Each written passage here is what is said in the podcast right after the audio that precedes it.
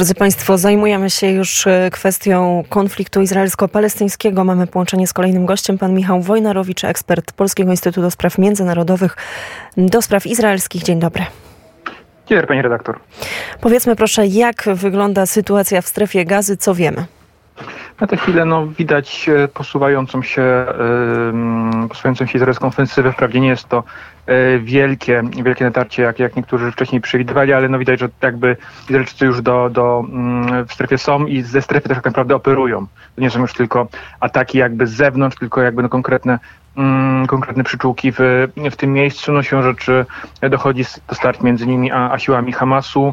E, no też trwają ciągle e, bombardowania, mm, bombardowania w, w strefie ze strony izraelskiego lotnictwa.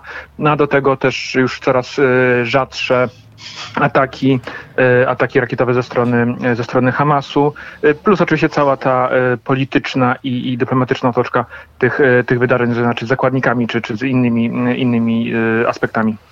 No właśnie, pojawiła się informacja, że Hamas przedstawił warunek uwolnienia zakładników. Jaki to warunek? Czy w ogóle sądzi pan, że jest jeszcze szansa na jakąkolwiek próbę dogadania się w tym, w tym konflikcie, czy ewentualnie wycofania na przykład izraelskich wojsk wojsk ze strefy gazy?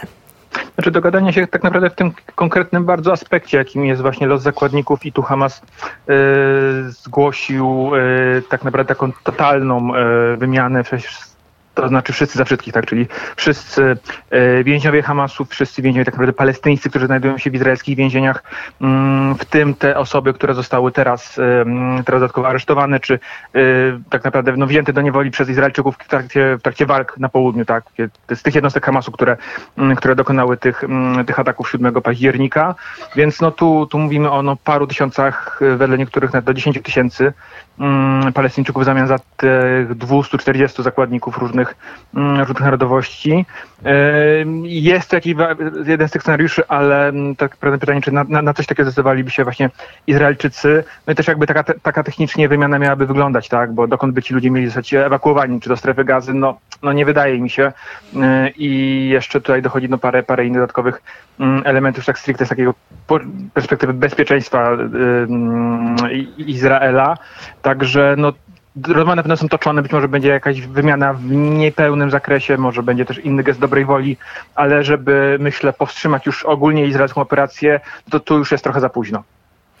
A co czeka mm, e, obecnie żołnierzy Izraela? No bo tak, teraz mamy taką sytuację, że już no, trwa ta operacja lądowa, na razie w północnej części strefy, strefy gazy. E, według e, relacji, jakie płyną z mediów, izraelscy żołnierze starli się właśnie z bojownikami Hamasu.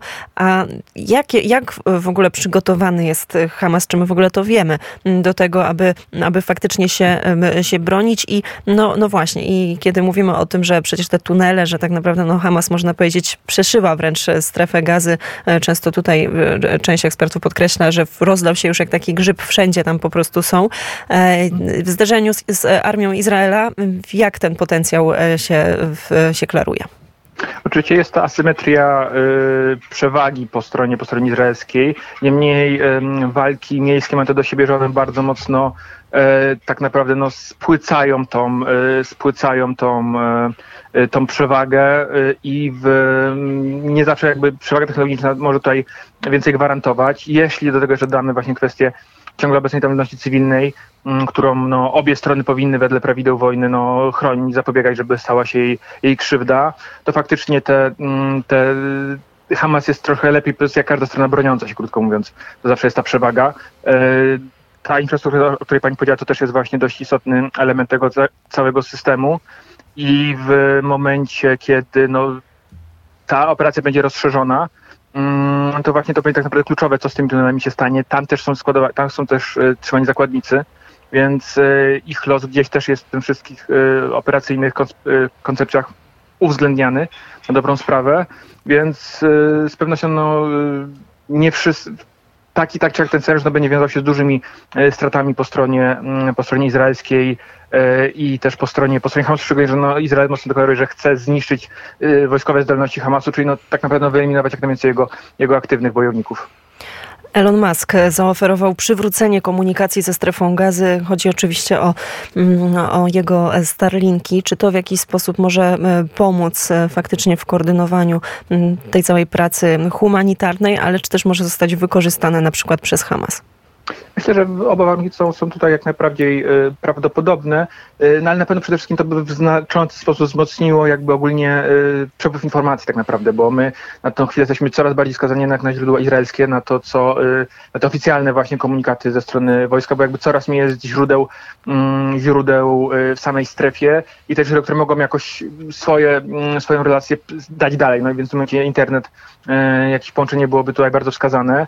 Mm, Hamas też by z tym korzystał, ale bardziej mi się wydaje mi się w wymiarze propagandowo-informacyjnym, bo ta organizacja udowodniła chociażby po tym ataku 7 października, że jednak przejście na takie analogowe, powiedziałbym, metody komunikacji e, to jest, e, to jest no, z ich perspektywy no, skuteczny ruch, więc na pewno też te, mm, nie, nie, Starlink nie byłby im potrzebny do jakiej, jakiej, koordynacji e, działań przeciwko, przeciwko Izraelowi, ale ale to wszystkim jest ten wymiar cywilny, wymiar humanitarny. Oczywiście pytanie, jakie tak naprawdę możliwości ma, ma, ma, ma Elon Musk i czy faktycznie dałby radę, tak jak on to co powiedział, że, żeby ta, ta, mm, ten internet był tylko właśnie wykorzystywany przez te sprawdzone źródła, jak on to określił.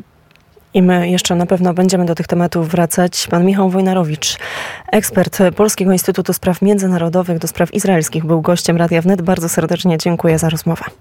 Bardzo dziękuję, pani redaktor.